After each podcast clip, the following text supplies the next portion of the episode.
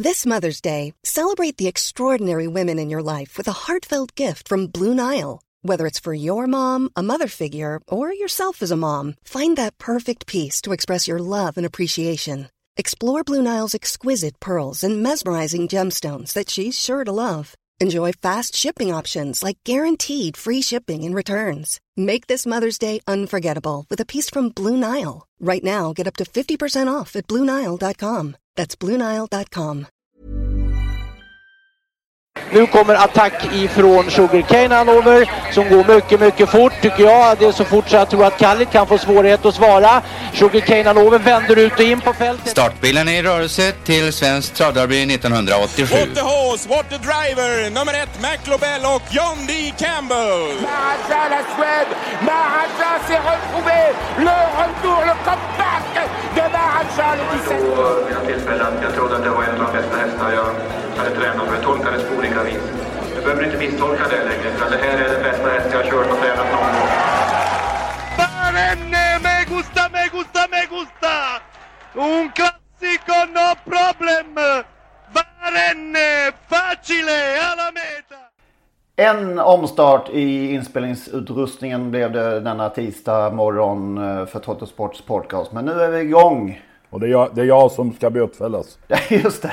Du var Nej, men nu, förstör, nu förstörde du ju hela nöjet med omstarten, att man ska analysera och köra 300 repriser och gissa vem Ja, som vad och, och ändå få fel. Ja, ja det, det, det är faktiskt det mest irriterande av allt i Travs-TVs historia. För det, man kan inte bedöma en orsak till en omstart från den vinkel framifrån. Det går inte. Ja, nu har de ju drönare och annat också, så att numera är det ju lättare. Men jag, jag är mest fascinerad av att Man kan varje gång det... chansa. Man kan chansa och så får man rätt. Det är som att spela på V70. Man chansar. Så får man rätt ibland och så får man fel. Men det, det liksom känns lite onödigt att chansa Ja. där. Det kommer eh, inom någon minut orsaken. Ja. Ja, Men det är väl ett sätt att göra sig viktig och duktig då. Här vet vi. Vi har facit. Det var Lennart Persson som orsakade omstarten. Han tryckte på fel knapp. Ja, ja just det. Det var Det startpersonal. är en av de benämningarna på omstart som finns när man spelar in podd. Ja, just det. Ja, eh, hänt mycket sen senast. Vi har ett eh, fullspäckat avsnitt framför oss, tror vi. Jag fick inte säga matigt, eh, kom vi fram till här innan vi tryckte. Ja, fullspäckat nästan lika illa. Nästan lika. Vad, vad kör vi på? Ja, men det, det är i alla fall Ja, ja, det är mycket. det är rejält. Vi Omfattande. försöker göra ett floskelfritt avsnitt i alla fall. Ja, just det. Vad var det bästa då? Sen senast? Bästa? Ja, eh, får jag börja? Dels var det ju två jättefina comebacker bland elithästarna där i lördags på Axvall. Heavy Sound som vann och Henson Bread som var tvåa som var väl så fin tycker jag. Eh, Och de där två kommer ju vara med i de lite större loppen, de, inte lite större loppen, de större loppen under kommande säsonger. Ändå gladdes jag mest över Sweetmans seger. Inte bara för att han var väldigt bra och inte bara för att han såg så fin ut. Utan att Lars E. Nilsson som tränar är värd sådana framgångar just nu. Det är inte så länge sedan han blev av med sex hästar av samma hästägare som flyttades till Joakim Elving. Bland dem den lovande fyraåringen, eh, vad heter han nu då? Eh, Hacker Am. Häcker M heter han. Am, M. Och eh, Franklin Fay som är en duglig V75-häst. Så att, och, ja, det gläder mig. Eh, Och eh, Lars har börjat det här året starkt. 24 i segerprocent som tränare. Eh, För han, han brukar ligga på 15, 16, 17. Men det är klart, året är långt. Året är ganska ungt. Men jag gläds. Grattis Lars I. Yes. Vad säger du Magnus? Ja, jag, jag, jag tänkte på... Det går, det går att gå förbi Maestro Crow eh, heller när man pratar om bäst och sen just det på det sätt som man... Dels att det är en fantastiskt häftig häst att se, men också hur dramatiskt det där loppet var. Trots att han ju faktiskt travade hela vägen och eh, gick, tog, för, tog sig förbi till slut och allting. Men man att ett lopp över tre varv kan vara så intensivt ändå som det där loppet var. För det, det enda man satt och väntade på, det var ju liksom... Man såg ju till och med den här närbilden varvet kvar på, på Johan där man ser hur otroligt koncentrerad han är. Alltså. Ja, det är faktiskt Det är så att han nästan tittade i kors för att han var liksom så fokuserad på bakkärran. På... Nej, det var häftigt att se. sällan, Alltså. Det är sällan man ser det ansiktsuttrycket faktiskt. Det har, du har helt rätt där. Det, det, det var... eh, Ett, Det beror troligen på att han inte vågade andas. nej. Nej. Jag kan tänka mig att så där skulle jag se ut. Oavsett häst och oavsett tillfälle så skulle jag se ut så där bakom en häst. Men Johan har ju kört världsrekord. Han har ju gjort det mesta trots att han inte hållit på så oerhört länge. Men här var han jäklar i mig fokuserad. Ja, ja fascinerande faktiskt. Man, eh, alla kommer ju gardera nästa gång. Inte det Ja, det, är ju en sån, det här är ju en sån given häst alltså. Det, det är ju... Han kommer väl vara sträckad på, på ett par procent till slut bara trots att segerraden är jättelång. Ja. Jag tyckte det var kul att eh, Preben Sörvik igår tog sin eh, allra första seger, tror vi va? Som egen tränare.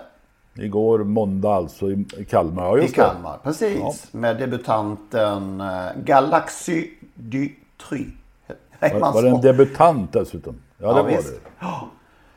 Han slog- eh, besegrade alltså en eh, Håkan K Persson häst som Stefan körde, brodern. Som stod i 1.22.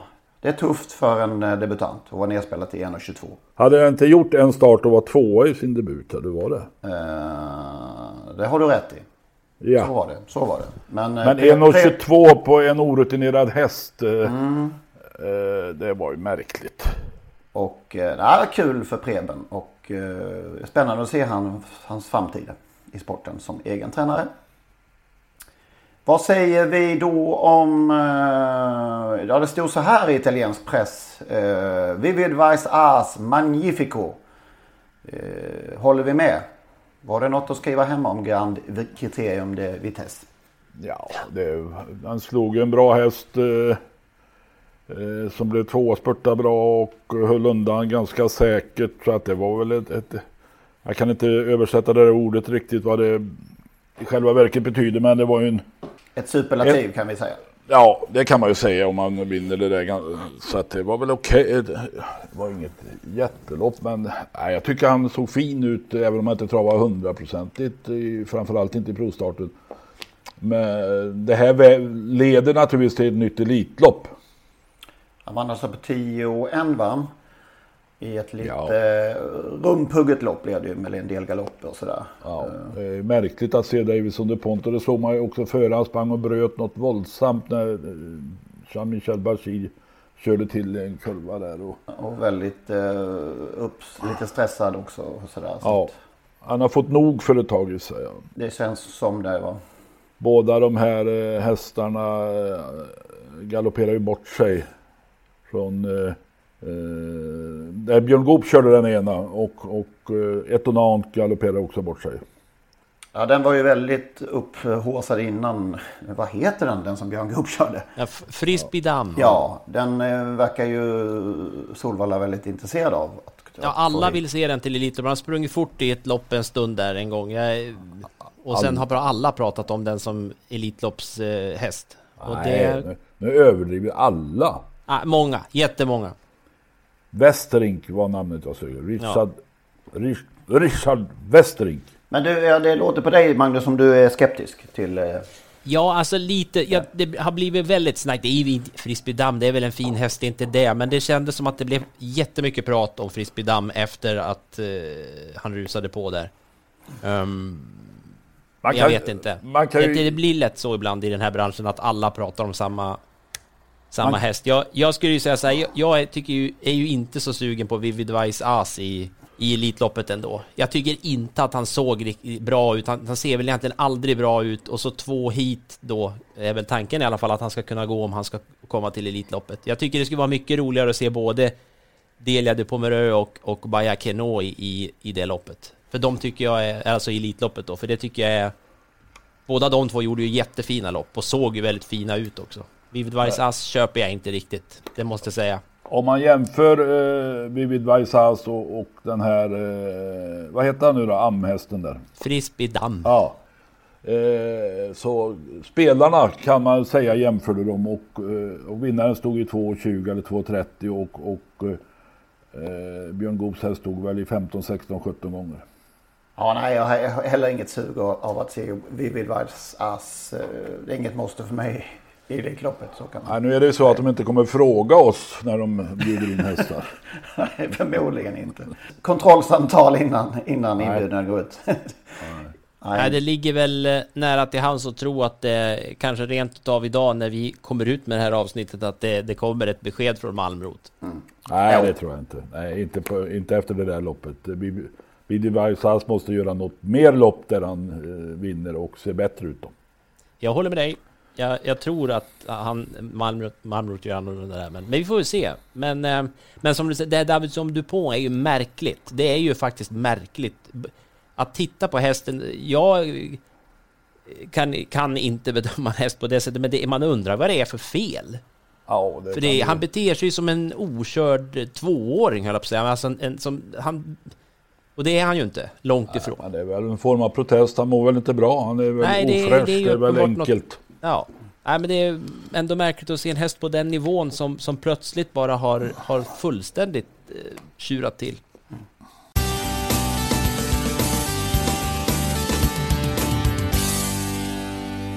Gjorde vi Batotösen möjligen en otjänst förra veckan? Det känns som att vi håsade upp, håsade upp henne som en kommande jättestjärna.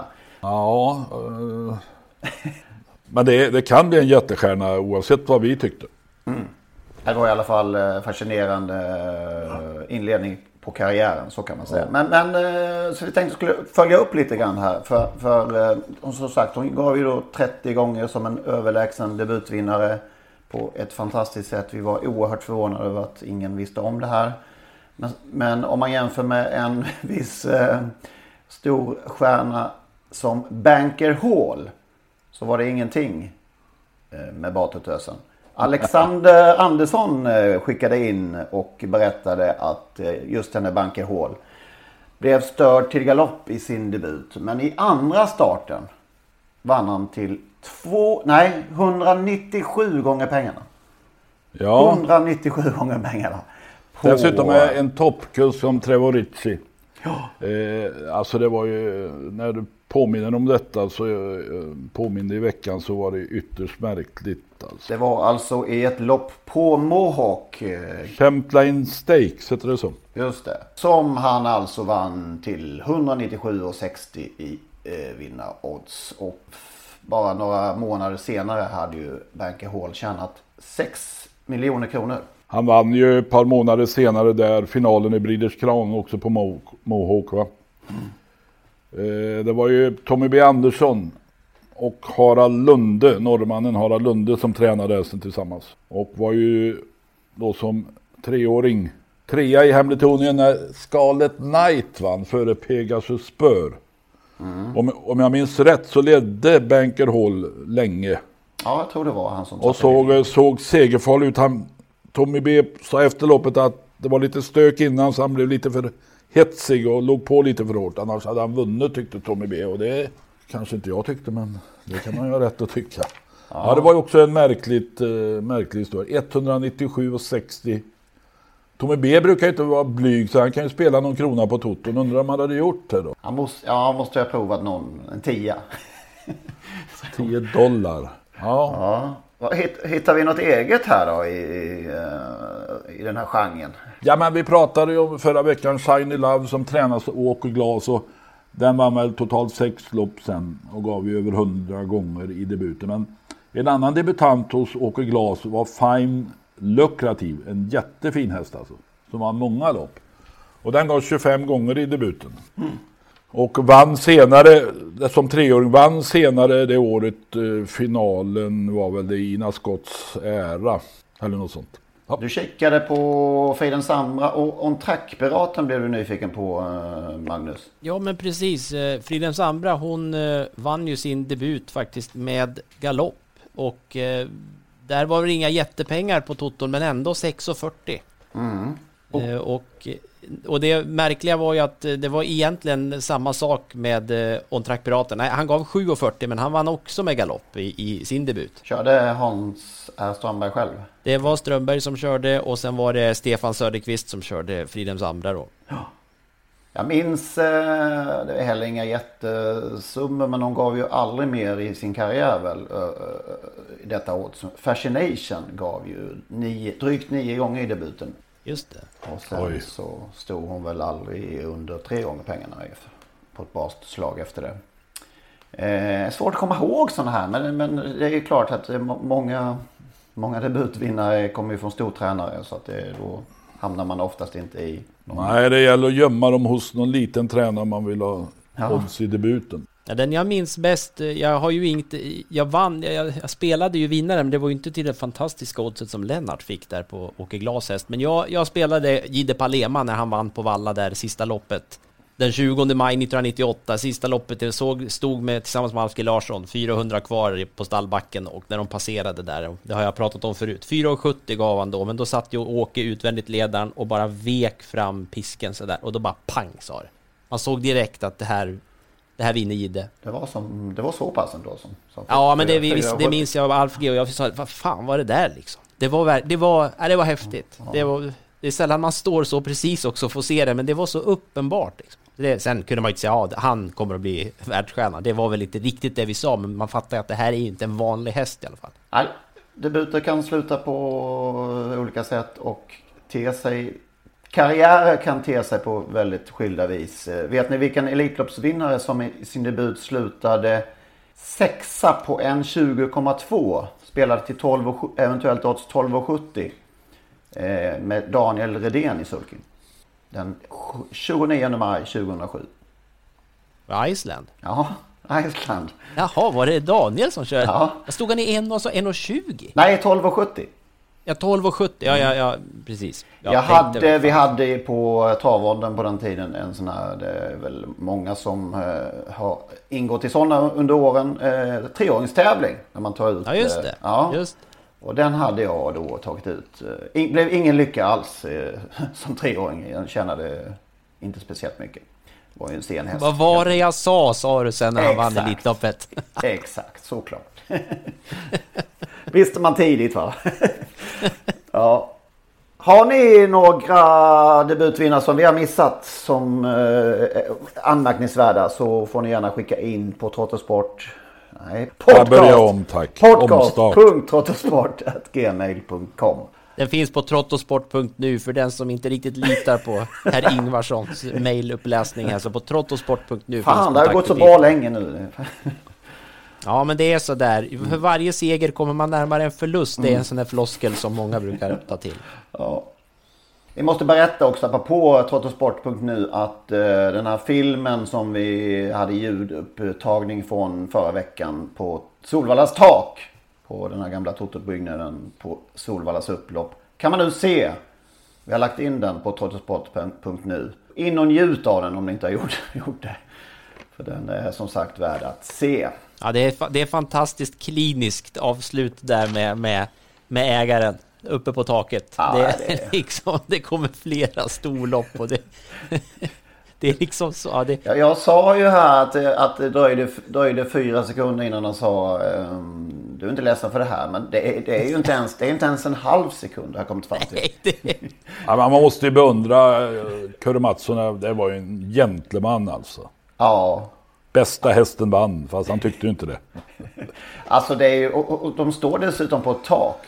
Han skulle ju ha Ja. kunnat bara kasta ner fanskapet liksom. ja, han skulle ju kunna bara ha tagit tio steg själv eller tre Ja. steg och hoppat själv i rent vredesmod över hur det slutade. Inte Kurre Mattsson. Det är ett un, Nej, men det är under av fantastiskt hövlighet. stillsamt. Ett under av Det är så stillsamt. Jag vet inte om jag sa det, men man ska gå in på Kurre Mattssons alla uppfödda hästar med adept och de här då. Vilken oerhört geni han var att döpa sina hästar. Och det har vi Okej. pratat om tidigare. Slår han eh, Margareta? Ja, alltså de är så mycket enklare och på den tiden gällde det att ha enkla namn eh, så utan massa engelska påhitt och sådär. Så att, eh, nej, ja, det är så jäkla roligt att läsa hela hans lista där. Eh, eh, Alltså- med eh, uppfödda hästar. Det, det ska man absolut titta på, för de är många dessutom. Ja, det är otroligt många och det är, vad kan det vara? Kan man tippa på att det är 2-3 procent som har, består av, av mer än ett ord? Alla andra är ju Ja. naturligtvis bara ett ord. Och det är, han har, hittar ju också de fina, bra. Medaljong gillade jag direkt här när jag tittade. Censur. Ja. Ekonomi. Är vi här? Final. Front. Var det här Kvittens? Nej, det var inte Kvittens. Det var Allan Nej, Kvittens och Jönsson. Kvittens Junior kan vi inte tillskriva Kurre Mattsson. Hopp. Hoppla. Ibs. Au, fina hästar var det. Men ska vi hålla på med det då, då är programmet slut. Ja, vi har mycket till att eh, avhandla så att vi får eh, tillfälligt avbryta där. Konvoj. Vi har läst statistik eh, från SD i veckan om eh, jänkarvagns, jänkarvagns eh, användandet. Det har du koll på eh, i Falun. Ja, eh, SD har ju gjort en undersökning. De har tittat på tränare som gjorde minst 200 starter i Sverige förra året mellan första mars och sista december. Så det blev en, en blandning av framgångsrika och lite mindre framgångsrika tränare då som där man påvisar en väldig skillnad när det kommer till hur man använder jänkarvagn eller inte använder. Och det är inte jätteförvånande att det är Daniel Redén som toppar. Han har 55,4 procent av starterna är gjorda med, med jänkarvagn. Eh, och är tätt följd av Reijo Liljendal där som har exakt 55 procent. Det anmärkningsvärda med Redén är ju ändå att han så eh, öpp- öppet kan tänka sig att slopa den. Ja, det är ju det som är intressant, att den som använder det mest är den som nästan har minst problem med att ta bort den. Nej. Det är, ju- och sen kan man säga den som har allra minst problem att ta bort den, det är då, då Robert Berg, som inte gjorde en enda start. Det är ju fullkomligt eh, sensationellt. Han körde ju bara, alltså, det, det, han körde bara in 32 miljoner så att... Ja. Och detta alltså 1285 starter utan Han har, jänkarvagn. helt, han har helt enkelt ingen jänkarvagn in, Nej, det är en otroligt dålig investering skulle jag säga om man har en jänkarvagn som bara står. Han står, det står fyra stycken där på... på Han har det som sista utgång. Om det blir totalt mörker, då kommer han att börja göra det. Vad sa du antal liksom starter? anledning. 1346. 1285 starter då från första mars till 31 december. Jaha, okej.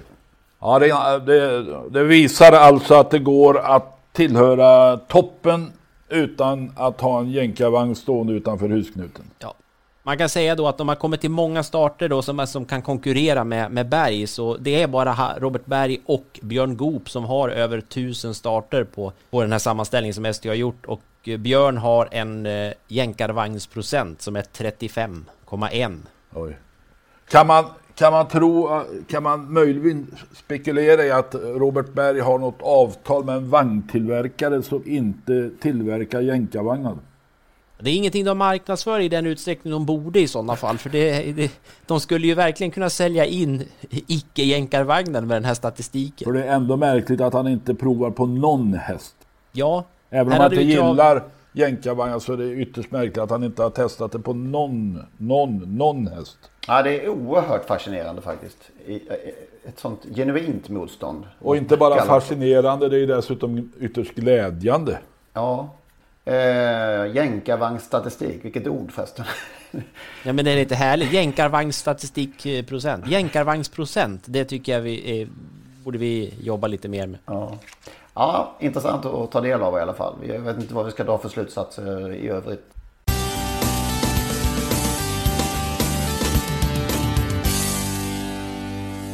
Nu ska vi kanske igen bli snäppet allvarligare i knässet. Det är en rätt smal referens va? Ja men den är ju, den är ju liksom en, en, en kär gammal En referens. kär klassiker. Vi, ska vi förklara kanske att det Knesset var ett tv-program på ZTV på 90-talet, mitten av 90-talet med först Christian Lok som programledare och sen tog väl Erik Haag över. Ett eh, diskussionsprogram som lite, ja, i vår ålder blev väldigt eh, populärt och som man gillade mycket. I er Ja, ålder. verkligen. Ja, Och eh, där hade man då ett se- segment där de eh, tog upp ett lite allvarligare ämne. Nej men eh, så allvarligt är det inte. Men Totoluckorna här då. Kom det ju upp i förra veckan att alla storbanor har bestämt sig för att göra samma sak. Att stänga Totoluckorna för gott. Åtminstone på vanliga tävlingsdagar. Eh, då har, vad har vi för tankar om, om detta? Ja, det är väl ett tidens tecken. Jag, jag pratade med förre Toto-chefen på Axvalla. Och eh, på den tiden han jobbade då så hade de varje tävlingsdag, vanliga tävlingsdag, mellan 30 och 35 luckor öppna. Nu kommer Axvalla ha två i fortsättningen. En på restaurangen och en i Totohallen. De kommer inte ta bort dem helt. Ja, då går de emot uh, storbanorna helt enkelt. Ja, de, eh, de tycker väl att framförallt på eh, Storchampionatshelgen så har de ganska många utländska besökare som inte har ATG-konto.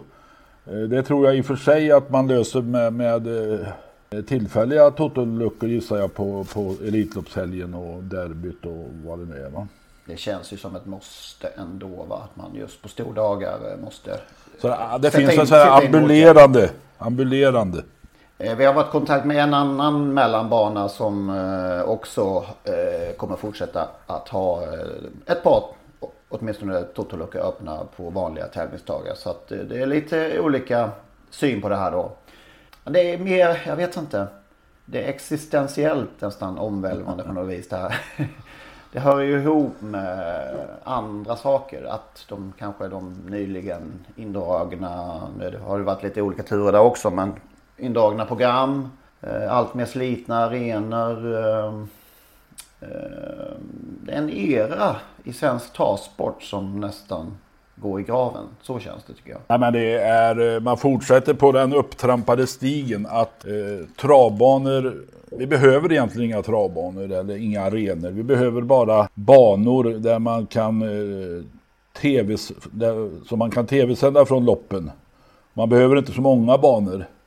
Eh, det har ju visat sig nu eh, under pandemin inte minst att vi behöver inget folk på banorna. Det spelas mer om folk sitter hemma.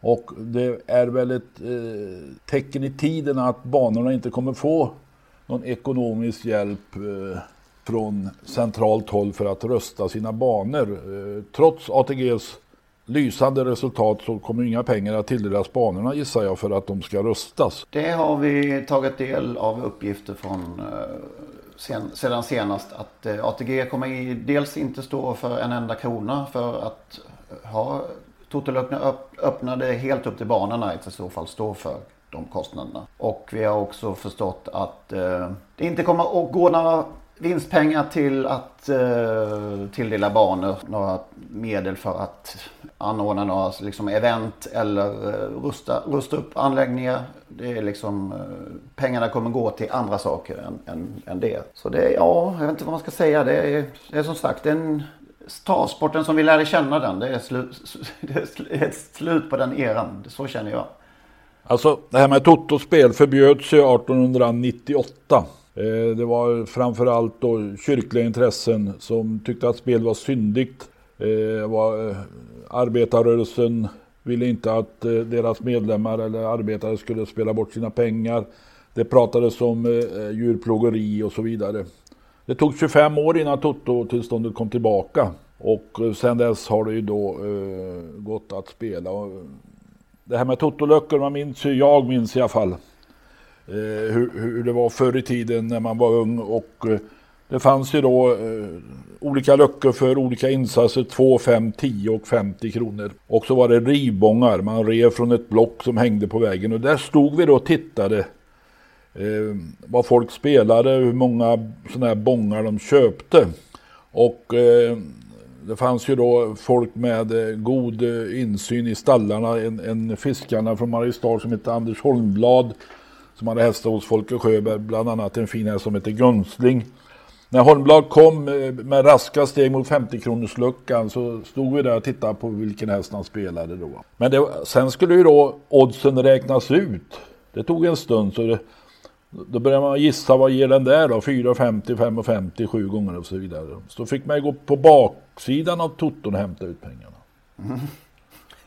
sen, sen, försvann de här eh, ribångarna, då blev det kassamaskiner och på Axvall var det som man fick eh, Konsumkvitton där då när man eh, handlade. Det var ju bara 20 kronor eller 10 kronor så man fick ju ett antal sådana här kvitton.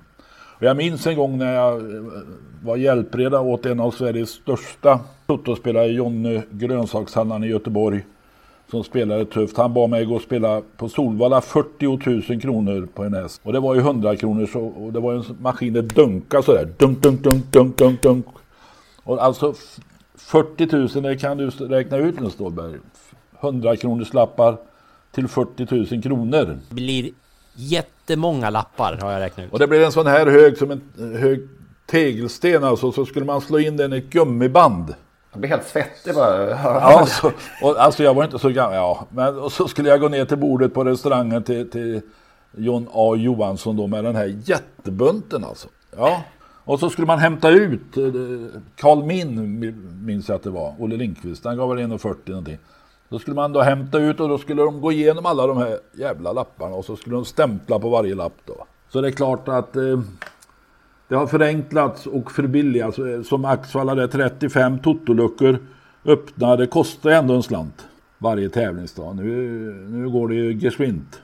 Men eh, ja, det, var, det är lite skillnad helt enkelt. Men, men, men vad ska man säga? Man förstår ju. Man har ju. Det är inte så att man inte fattar tidens gång här. Det, det ska man ju Nej, ha klart för. men jag tänker så här Lennart, om, det, det här är ju, jag, man, jag har inte varit med så länge, men jag minns ju också de här små lapparna, just att man ställde sig då i mitt fall, eller jag fick inte ens stå i den där kön. Jag fick ju stå bredvid pappa eller mamma eller någon, men, och helst kanske inte bredvid heller, men så ställde man sig i 10 kronors luckan och så ville man ha 10 kronor plats. Det var ju det som fanns då, det var ju kul, men jag tänker om någon hade kommit fram till dig bredvid med en liten man gick där Lennart sagt, vet du, med den här får du se vilket odds det är innan du spelar och pengarna kommer in på kontot, du behöver inte bry dig, det tar bara en halv minut eller en minut så kommer pengarna in. Hade du sagt nej det vill inte jag, jag vill vänta, jag vill stå och titta på de här lapparna. Ja men det fanns ju en skärm i det att stå och vänta. Då gick man, jag kommer ihåg i Åmål när vi hade någon vinnare där och man gick på baksidan och tittade in i en liten fönsterruta. Där de då skrev eh, med tuschpenna på de här plakaten som sen skulle hängas ut med oddset. Ja, och då ville man, ville man ha, ha liksom förhandsinformation. Vad, hur mycket får jag liksom sådär. Och så stod de och skrev då 3,42 och så kom en, en herre i eh, kostym och slips och hatt och hängde ut den där tavlan på baksidan där. Det var ju också det var ett skådespel i spelet liksom. Eller, ja, det gav ju eh, travbesök och tiden på travbanan en extra dimension av charm. Man hade, hade en, en vinnare liksom i lopp 9 på, på Kalmartravet en, en torsdagkväll eller vad det nu var.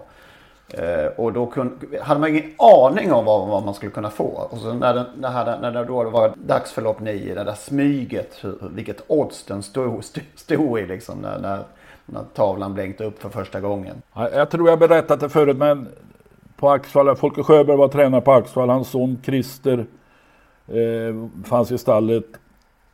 Och de hade en häst som hette Tito som vi visste var bra. Men den galopperade och den vann i alla fall inte av olika anledningar på tre, fyra, fem starter. Och det var inte meningen att den skulle vinna. Så åkte de till, Folke Sjöberg hade kört själv, så åkte de till Mantorp och satte upp Christer Sjöberg för att få ett högt odds, eh, högre odds. Och alla visste ju som sagt, så alla åkte till Mantorp, höll jag på att säga alla och alla. Ja, den vann ju med 50-60 meter då va. Och så stod vi där och väntade på oddset och ägaren som var en hård storspelare alltså. Så kom oddset. 1.07. Tur att bensinen var billig på den tiden. Då. Fantastiskt alltså. Åh, oh, vilket... vad, vad minns du några reaktioner? Nej, ja alltså jo det är klart att vi var ju mer eller mindre chockade. Ja, chockade var ju inte hela världen men det är klart att det var ju... Alla hade lurat ut. 1,90 ja. ändå tror mig. Ja men alla hade lurat ut att det här, det här, det här den här gången skulle jag vinna. Ja, ja. Jag tänker på Romme hade för 20 år sedan eller nu en VD som hette Christer Sjölund och han kom upp en gång i pressrummet efter ett lopp där det var någon favorit som hade vunnit och sa det det är kul för publiken när favoriterna vinner. ja, just det. Och det var vi ingen, ingen i pressrummet som riktigt höll med.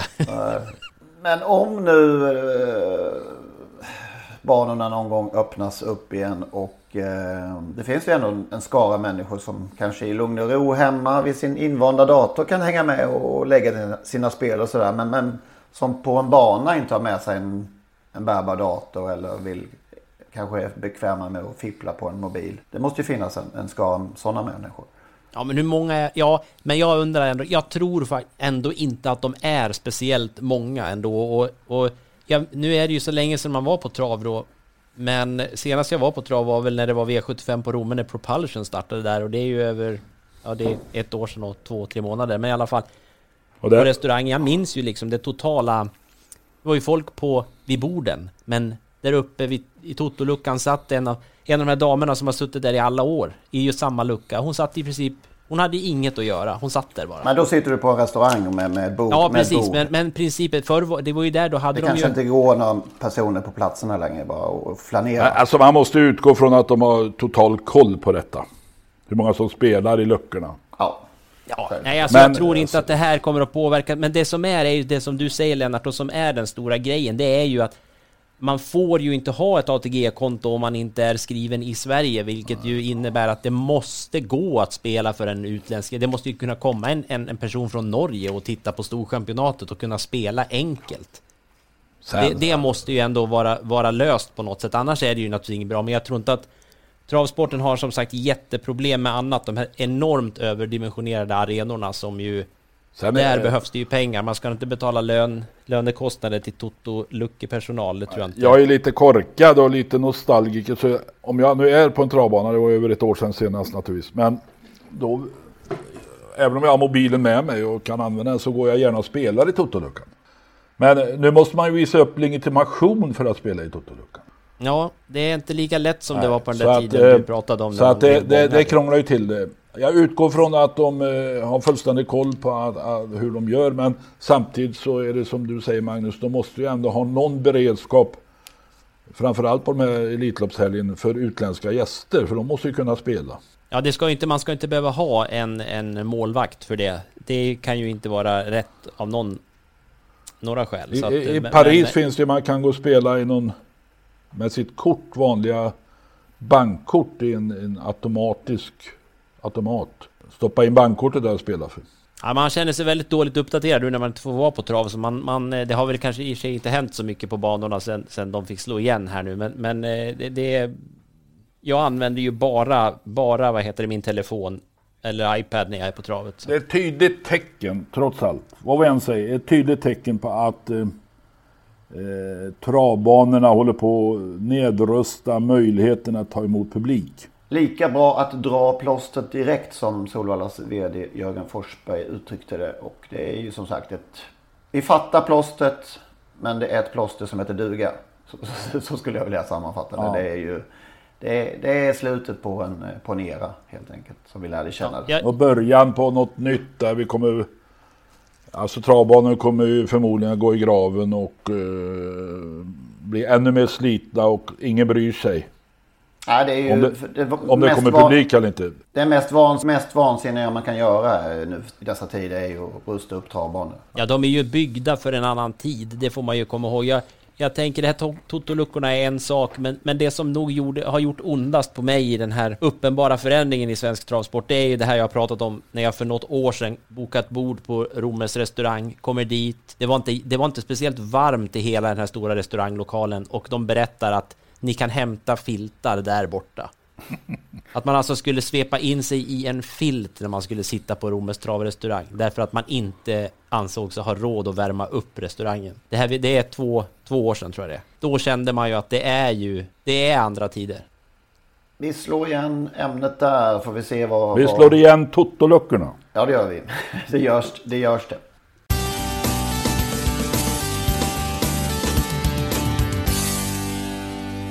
Mantorp står som värd på lördag igen då. De fick ju ta över eh, Momarken efter det här coronastrulet då. Eh, så de kör igen på, på lördag.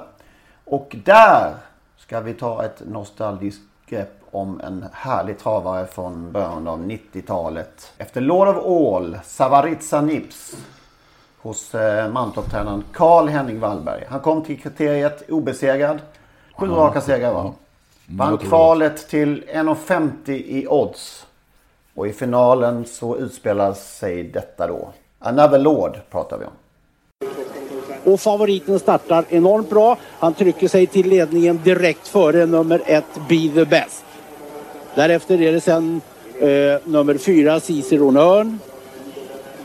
Market Value nummer 10 upp som fjärde häst. Snett på utsidan utav den nummer 6 Son of Jiggle. Och man kör de första 500 är så snabbt som en 13 och en halv. Så svarar nummer 4 eh, Ciceron Örn och Lars-Ove Lönnryd upp som sock när han kommer ut i tredje spår. Det vore väl nästan bättre att få ett andra par utvändigt. Nu gör han Första varvet gick efter 1.16 och en halv, alltså ett mycket bra tempo. Skulle Stig Johanssons Pont Neuf vinna så inkasserar han hela 780 000 kronor för han är nämligen delägare i Pont Neuf. Han är också uppfödare och så kör de här enormt mot varandra där framme. Eh, nu är det Jim Frick bakom eh, nummer 8 Somsock som inte vill släppa fram nummer 3 Nummer 5, han hade Lord alltså i ledningen. Första 500 på sista varvet har vi kört där. Det går på 1.17 så det har varit jämnt tempo runt en 16 där framme. Och nu är det trötta hästar. Fortfarande då nummer 5 Another Lord. Det är Somsock nummer 8. Och sen i tredje spår är det nummer 6 Salom of Jiggle. Bakom där har nummer 7 Pont hela tiden arbetat sig upp in på upploppet är det Another Lord som försöker rycka. Så kommer attacker ifrån nummer 7 Pondnuff. Längre ut kommer också sen nummer 11 Infold Staro. Det är Son of mitt i banan som har fått lite grepp. När Pontnuff är stark. Han håller ett tempo. Där börjar de att mana på hästarna. Det är Pontnuff upp på utsidan. Det är Pontnuff som kommer att få greppet. Ja då, nummer 7 Pontnuff och Stig H Johansson vinner Svensk Kravkriterium 1991 och inkasserar hela 780 000 kronor. Ja, han... Eh, många, många fina hästar från mindre tränare i det där kriteriet 1991. Men till slut så gick det som det brukar. Stig Johansson vann istället. När man tittar på kvalvinnarna där så var det ju bara mindre tränare minns jag. Det var Lönneryd och Angel och... Den fantastiska Ciceron Örn. Ja, och, och då Karl Henning. Eh, Stefan Söderqvist vann väl något Be the Best, var det så? Just det. Another Lord som blev favorit i, i kriteriet. Han var favorit och då eh, kördes det ledningen på och fick den på väldigt kort, få steg. Och, eh, men sen när Karl Henning ville dämpa tempot så lyckades inte detta.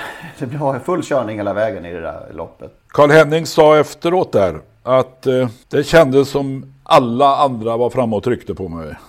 Mm. Och så var det ju nästan. Det var ju, alltså det var ju flera rutinerade kuskar som körde med huvudet under armen det, just det loppet. Och eh, det drabbade ju faktiskt Karl Henning. Det, ingen tvekan om att Unadel var den bästa hästen i loppet. Mm. Han gjorde ju ett fantastiskt bra lopp. Alltså det var så många körare som han tappade i räkningen där. Det var verkligen ingen, inget, han fick inget gratis för det, den tredjeplatsen som det blev. Och faktum var att, att Stigov vid ett par tillfällen försökte att avancera med Pont Neuf från köpositionen. Men då gick någon före och Stig och fick ändra sig och ändra sig och det blev ju rätt till slut. När de blev möra då kom den här starke Pontnuff. Eh, han vann Gay Noons lopp en dryg månad före kriteriet och då besegrade han ju då bland annat Pontnuff. Den var, det var ingen som hade radat segrar fram till kriteriet, eh, Pontnuff. Ah, han var efter en han var efter en oerhört vacker häst måste jag Pont Caral som Stigo hade i träning en stund. Oj, som bröt, bröt benet ut hos Stigo. Men det var ju en, en annan häst vi skulle prata om. Det var det ju. Men, men vi kan säga det bara att Pontnuft han drog väl skorna här för första gången i, i kriteriet Stigo. Ja, Stigo, Stigo eh, innan loppet, mellan provstart och lopp så körde han försiktigt innan, på inneplan där i gräset för att spara hovarna. Nej men underbara tava det här Neverlord. Eh, favorit även i BC-finalen på hösten där, där han slutade femma. Då vann Nobel Tilly vill jag minnas. 133 starter, 40 segrar, 3 miljoner intjänat och ett rekord på 12 och 4 över kort distans. Och som både ägdes, upp var uppfödd och tränades av Mantorpstränaren Karl-Henning Wallberg. Som eh, faktiskt blev champion på hemmabanan 1982 med 24 segrar. Han hade lika många segrar som Sture Lindström och de hade lika många andra platser. Karl-Henning vann på fler tredjeplatser. Otroligt ju. Då är det Raffel. Han slutade som tränare redan när han var 55 tror jag. Han fick sån här tränarpension och fortsatte väl lite som lärling och hade några hästar, egna hästar i träning. En mycket, mycket sympatisk Karl-Henning Wallberg. Jag hade mm. unnat honom så förbaskat att han hade fått vinna det här kriteriet när han hade bästa hästen. Ja. Han eh, figurerar ju i ett annat sammanhang också. det måste vi lyssna på en gång till. Klassiken här från eh, den tatuerade änkan. Vi har spelat upp det här tidigare men det tål ju att lyssnas på igen. Inte minst med tanke på An Overlord.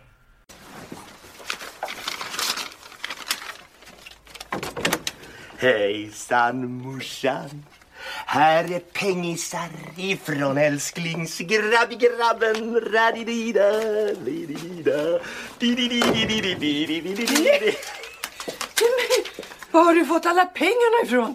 Life Aces Tonic. Another Lord. Florida Flower. Sunrise Tilly var ju, jag tror det var Lars Molin själv, regissören, som eh, satte ihop de här. Eller valde ut de här fem hästnamnen i den här eh, V5-raden då som okay. Göran Forsmarks rollfigur. Nu kommer jag inte ihåg vad han hette. Eh, Johan eller Joakim Joakim han, var det, han helt rätt. Joakim. Han är ju en, en eh, porträtterad som en tvättäkta travnörd som sitter på restaurangen på Solvalla och klock... Det är ju lite konstruerade klipp förvisso, men det kan man väl ta då. Men han, han klockar ju precis allting. Han är ju värre på alla sätt än Eskil Hellberg när det kommer. Han klockar ju på precis allting. Han sitter där och han trycker och han trycker och jag vet inte om det är vad det är han ser riktigt ens. Va? Det är ju de här klippen som kommer in är ju lite ofattbart om man... Men han sitter där och, och inledningen på, på den här fantastiska filmen är ju är bara den klassisk. Det, det ska bli julfirande hemma hos den här familjen och eh, han, barnen eh, skriker och, och eh, den här Göran Forsmark-karaktären, han sitter framför tvn. Den enda som bryr sig i travsändningen, det är ju annandag jul. Det är ju heligt va. Och han sitter och tittar och han får in vinnare på vinnare, så han sitter ju där med fem rätt. Eh, och eh, bland annat så nämns ju eh, Karl-Henning Wallbergs fina sto Hanna Hebré. Hon är med i något lopp där också. Men, men eh, den som får mest ovett under den här sändningen, det är ju då naturligtvis spricker ju Göran Forsmark här på, på sin lapp då. Men, men orsaken till det är då Johansson som han nämns bara. Vad kallar han honom? Han kallar honom för slapparsel. Ja. Han attackerar inte i tid som han, som han... Det är lite kriterievibbar kanske då att han satt där och du kan... Men Johansson är ett slapparsel och slapp orsakar då att... Är det något norrländskt inte... Eh, uttryck? ja, det är helt underbart. Ja, det, ja, det, det, är en fantastisk film på alla sätt. Ja, det är det. Eh, som jag faktiskt såg... Jag såg om den igår och upptäckte en grej som jag... Det hade varit så roligt att veta bakhistorien till detta, så om någon vet, kände Lars Molin och vet något om detta, men i en scen så körs Mona Malm iväg i ambulans. Och när ambulansen åker iväg så filmas den bakifrån och på bakluckan är det två reklamklistermärken där det står Englunds bilradio. Och reklam på en ambulans, det tror jag inte är tillåtet än idag faktiskt. Eh, men där tror man ju ändå att Lars Molin hade lyckats sälja några reklamplatser då. En tidig produktplacering. Ja, men alltså... Det är ju märkligt. Jag var tvungen att pausa. Vad stod det? Tänkte jag. Englunds bilradio. Ja men det är ju alltså Det är ju majestätsbrott att kalla Sir Henry för slattarslet. ja men det var Johansson va? Det finns många Johansson. Alltså. Det var inte... Det är lite public service. Det finns många Johansson. Det var inte Stig H alltså. Ja, alltså det, det tror jag nog att alla ska förstå att det var, men hade han sagt Stigo hade det väl varit på, på gränsen till förtal kanske. Johansson är lite mer allmän. Nej, fantastisk, eh, fantastisk film. Och Göran Forsmark eh, gick ju då tyvärr för tidigt ifrån oss i augusti i fjol han är ju trovärdig också för han är ju, var ju en eh, häst och travälskare så att uh, såg honom ofta på Solvalla. Men sällan, jag såg honom aldrig med, en, eh, med ett tidtagarur i handen måste jag, måste jag erkänna. Han hade dem om halsen kanske innanför jackan, två, dubbla. Ja. Dubbla. ja, men hans mamma, mamma spelas ju av, det är ju hon som är den eh, tatuerade, eller hon är inte den tatuerade änkan, det är fel, det ska jag inte säga att hon är. Men hon är huvudpersonen, Mona Malm, hon gick ju också bort. Ja nyligen. Det är, det är många som lämnar då, Sven Wollter är med. Eh, det är ja, så fina det. skådisar och Lars Molins karaktäristiska sätt att berätta och det är en jättefin film. Finns på um, SVT Play, så den går att se. Apropå frånfälle så fick vi ett uh, litet mail om att uh, en person vi pratade om för inte så länge sedan hade gått ur tiden, Hans Albin. Mm, just det. Tränaren till Eh, vad hette hästen nu då? Tangens. Tangens naturligtvis. Jag är för jävla glömsk. Kanske den eh, mest kända tvååringen vi har haft. Kan du... Det borde vara så. Lite så faktiskt. Eh, Hur gammal blev han? Det fick vi också. Var det 80? 82 Ja, år. 82 år. Ja. Albin. Albin. Det är inte illa att när det till och med blir fredagsunderhållning av att prata barfotakörning. Nej, det kom ju lite överraskande. Carina, Carina Bergfeldt Leta sig in i Carina Bergfeldts talkshow. Eh, om, om det ska vara barfota eller inte. Du Ja. tittade på detta Lennart, jag har inte sett det själv. Nej, Peder Fredriksson var ju med tillsammans med sin hustru. Och eh, han berättade då att han har börjat testa sina ridhästar barfota lite grann. Hur kom de in på detta? Ja du, det var en svår fråga. Men de pratade om, hur han, om hans verksamhet, hur han tränar hästar och så vidare. Och, Blir det barfota? Frågade Carina- Bergfeldt ah, och, nej, kom, nu kommer jag inte ihåg exakt. Men, men i alla fall så berättade han att han med, med alltså, han gjorde det med viss entusiasm. Och han hävdar väl, eh, han har nog lyssnat på Tarzan för att hästar är ju födda barfota och så vidare. Men att det var bättre glidyta och det var, nej, han var oerhört entusiastisk skulle jag vilja säga. I, han smög lite med det kanske men det, det kändes som att han, det här vill han verkligen testa. Eh, och dels att de blev lättare då också. Men ja, vi kommer nog få se Peder Fredriksson vinna någon stor Grand Prix-tävling och efteråt stå och säga att idag tävlade min häst barfota. Och det här blir ju nu då, eftersom ATG arrangerar spel på sådana här tävlingar ibland så kommer ju spelarna att kräva barfota information. Röda. Ja. Ja, men det var lite spännande för det är en, alltså det är en stor eh, hästkar, en av världens bästa ryttare och tränare när det gäller den här genren. Och helt plötsligt så har han då börjat eh, mixtra med det här alltså. Det, det är ju lite intressant. Ja men man pratar och pratar ju även där om, nu har inte jag heller sett den här intervjun men jag har ju läst intervjuer med Peder Fredriksson i det här ämnet och just det här han pratar om det vi, det vi ju har sett inom travet i, i, i alla dessa år. Kanske där Gide Palema är det tydligaste exemplet på det här helt nya rörelsemönstret som en häst får när man tar av skorna. Det pratar ju även Peder Fredriksson. Judi Palema var själva orsaken till att barfota barfotainformationen infördes. Ja. Det får man väl ändå säga, det är den mest markanta förändringen. Den var så Ja men det var, det, var att, efter, eh, det var efter det det infördes. Ja. Eller som folk började, nu får det vara nog. Ja. Det borde varit efter Donkerman vann Mantorpsloppet men det var väl på 60-talet. antar jag. Alltså, ja. Nej men det är ju, det är ju intressant det där därför att, att just det här med rörelsemönster och annat det, det föranledde ju att eh, Eh, för mig då att börja rota i det här för det är ju det är väl i någon mån ändå lite revolutionerande när det känns ju som att travsporten har varit först här i någon mån. Jag är ingen expert på hur det ser ut i hela världen och i, inom galoppsport och barfota är jag absolut ingen expert men började jag rota lite grann och då hittade jag en, eh, en undersökning som är gjord av eh, Sveriges lantbruksuniversitet, SLU. Det är några forskare där som heter Marina Solé, Gabriella Lindgren, Erik Bonkam Rudloff och Anna Jansson som förra året publicerade en undersökning som inte har uppmärksammats vad vi vet någonstans egentligen.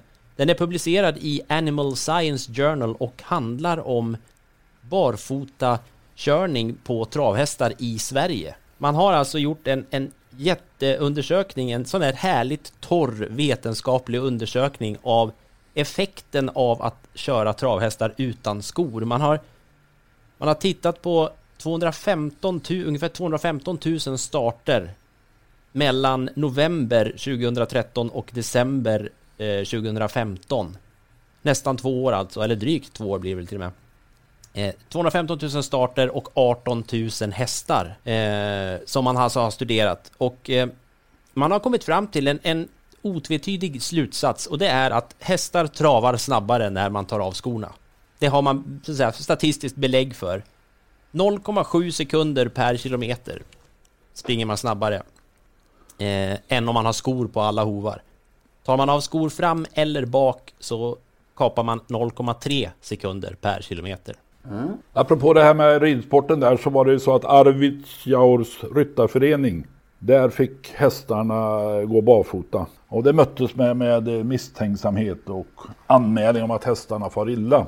Men när Peder Fredriksson i fjol berättade att han eh, tävlade flera av sina hästar utan skor så, så fick eh, så vände debatten i Arvidsjaur på något sätt. Det var så att i augusti i fjol så vann Peder Fredriksson en hopptävling i Eskilstuna med en häst som han då efteråt berättade att, att den tävlade barfota. Han var inspirerad av franska hoppryttare om jag förstod det rätt. Ja, det är ju intressant, alltså för den, tittar man i den här undersökningen vidare där så det är två saker som man, man fastslår statistiskt och bortsett från att hästarna springer snabbare så ökar också barfota runt om eh, galoppfrekvensen. Det är alltså, har, har man skor på alla hovar då minskar man eh, galopprisken med 26 procent. och om man har skor fram eller bak så är det, minskar man den med 20 till 15 procent jämfört då med barfota. Så barfota ökar, det är inte något som man bara tänker att man tycker sig se när man ser det här, utan även det har man kommit fram i, i det här med, när man har tittat i det här materialet då.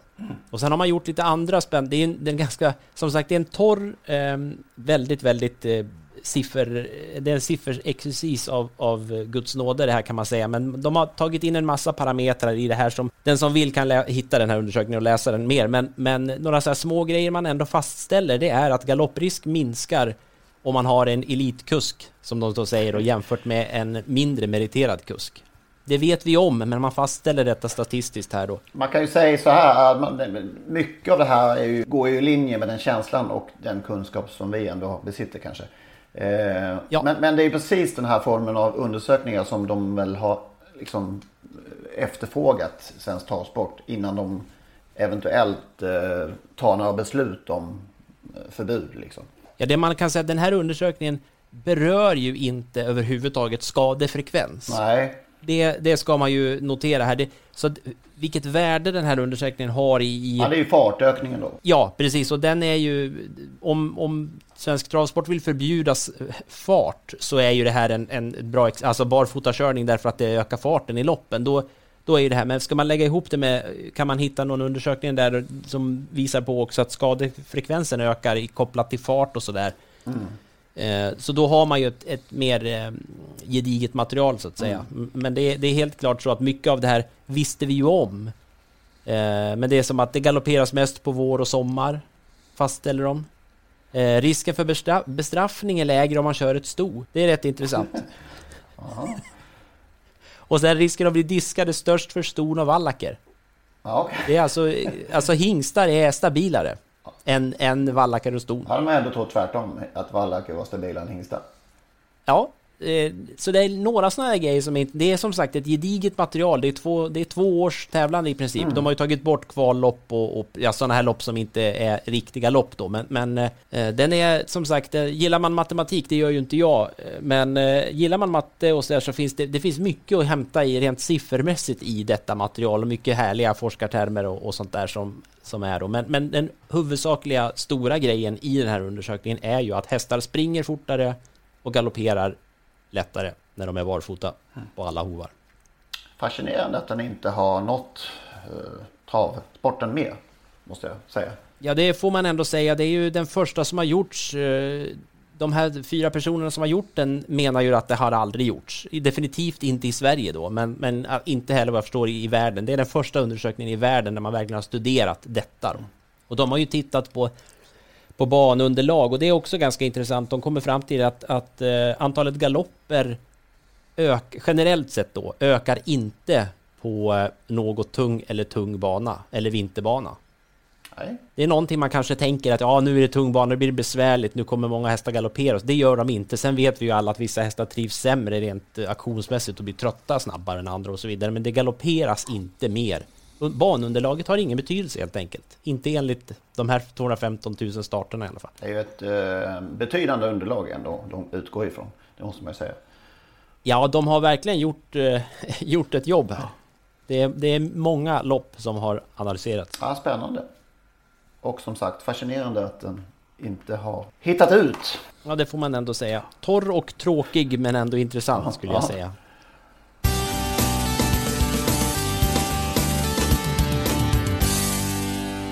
E75 som sagt på Mantorp igen då på lördag. Björn Goop, han kör i alla loppen den här ja. veckan. Är det Trottosport-effekten? Ja. Jajamän. Ja. Fortsatt, fortsatt är han enprocentare i år på svensk mark. Ja, det är helt otroligt. Ja, det är Ett lopp har han vunnit på svensk mark i år. Treprocentare, möjligen fyra då totalt om man räknar in Frankrike. Han brukar ju normalt sett ligga på eh, drygt 20 i segerprocent. Någonstans där. Det är bara spelar han på allt där nu var vi lite inne på innan vi tryckte på räck. Eh, Nu måste du släppa. Vinner han A-lopp här på, på lördag? Ja, alltså vi, vi har väl på något sätt bäddat, eh, bäddat för det nu när vi har pratat som vi har gjort om honom här. Men, men eh, det kan han nog säkert göra. Eh, han, är inte, han kör inte någon av de två som jag tänkte lyfta fram. Vi kan väl konstatera det förra veckan förresten där. Vi var ju, vi kom väl rätt så bra på det. Det var väl vårat rysarlås där som Lennart och jag hade i, i storloppet där som inte alls blev Ja, bra. Det blev ju knepigt lopp med alla omstarter då. Eh, Ja, det var Den där hästen gick en bra baksida där och det såg bra ut men det var för långt speed. Ja, din var i alla fall bättre Men- än eh, ja, min men- Belgodiva som... Jag vet inte vad det var. den blev ju, Det- det såg man ju efter varje omstart, den blev bara sämre och Ja. sämre. Det funkade inte. Kom igen! Men hur... Ja. Hur som helst så...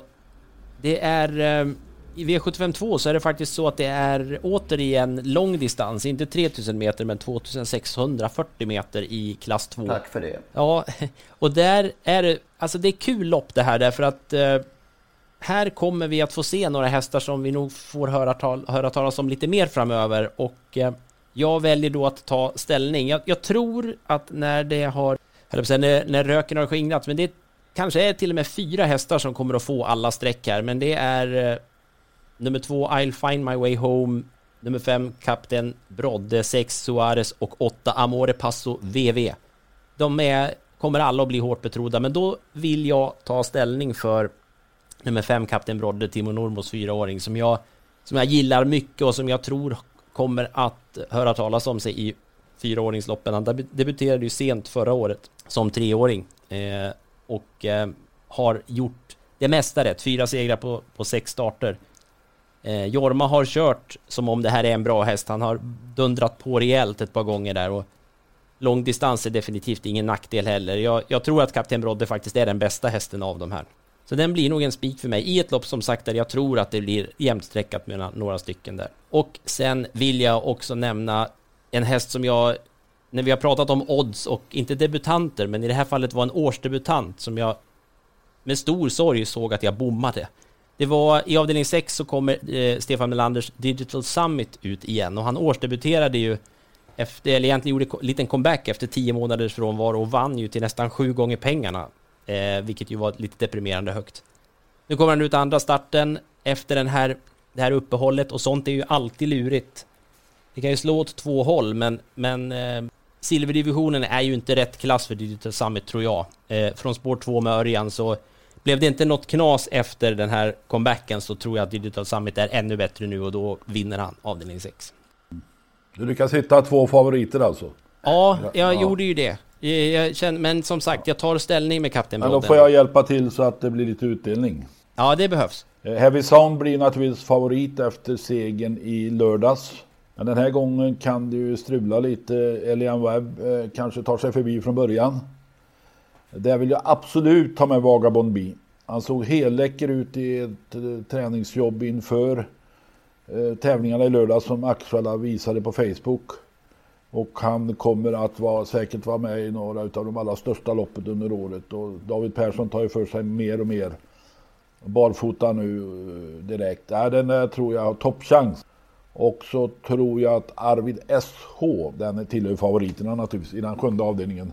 Så helläcker ut senast när han vann för sin tränare Fredrik Persson. Nu kör Erik Adielsson och jag tror att Fredrik ursäktar om jag säger att det är en liten kuskförstärkning. Även om Fredrik vann ett par lopp på, hemma på Kalmar i måndags. Yes. Tack. Eh, Och så du, MT Jag Oskar. Ingvarsson. Jag noterar att MT Oscar är med. Jag, eh, av, Du, du säger inget mer. Du säger av, inget av mer. Du, sympati för ägarna som jag har ingen aning om vilka de är. Så kan jag säga att jag kliver av tåget nu. Så får vi se om det blir en bättring. ja. Men alltså han är rankad. Alltså det är inte klokt. Det här, jag vet inte. Jag är för dåligt påläst nu för tiden. Jag, jag kan inte riktigt. Det känns som att det är sämre emot den här gången. Och men alla ett- har ju börjat ledsna på hästen liksom du. Han gjorde ett fantastiskt lopp på Åby senast ju. Ja. Otroligt bra var han. Och nu har, nu har han lite bättre utgångsläge. Bättre utgångsläge. Han är rankad åtta här i programmet.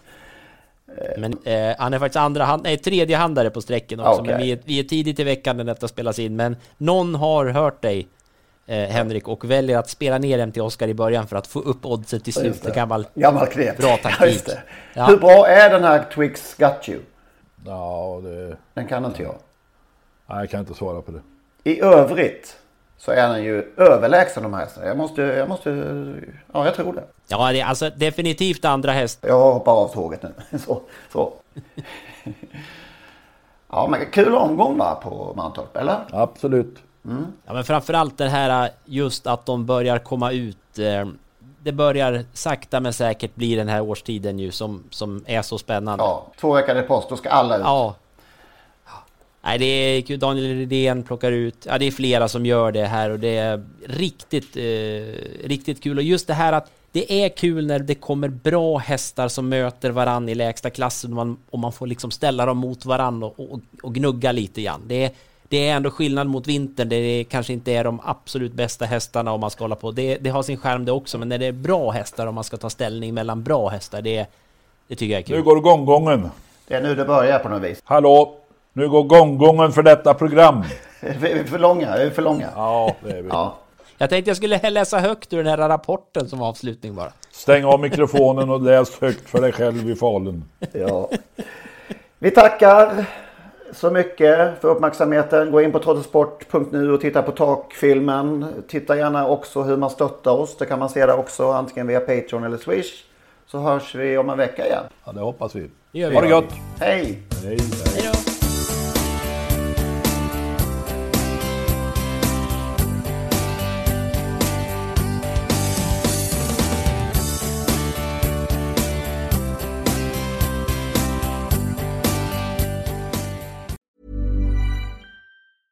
Mom deserves the best, and there's no better place to shop for Mother's Day than Whole Foods Market. They're your destination for unbeatable savings, from premium gifts to show-stopping flowers and irresistible desserts. Start by saving 33% with Prime on all body care and candles. Then get a 15-stem bunch of tulips for just $9.99 each with Prime. Round out Mom's menu with festive rosé, irresistible berry chantilly cake, and more special treats. Come celebrate Mother's Day at Whole Foods Market.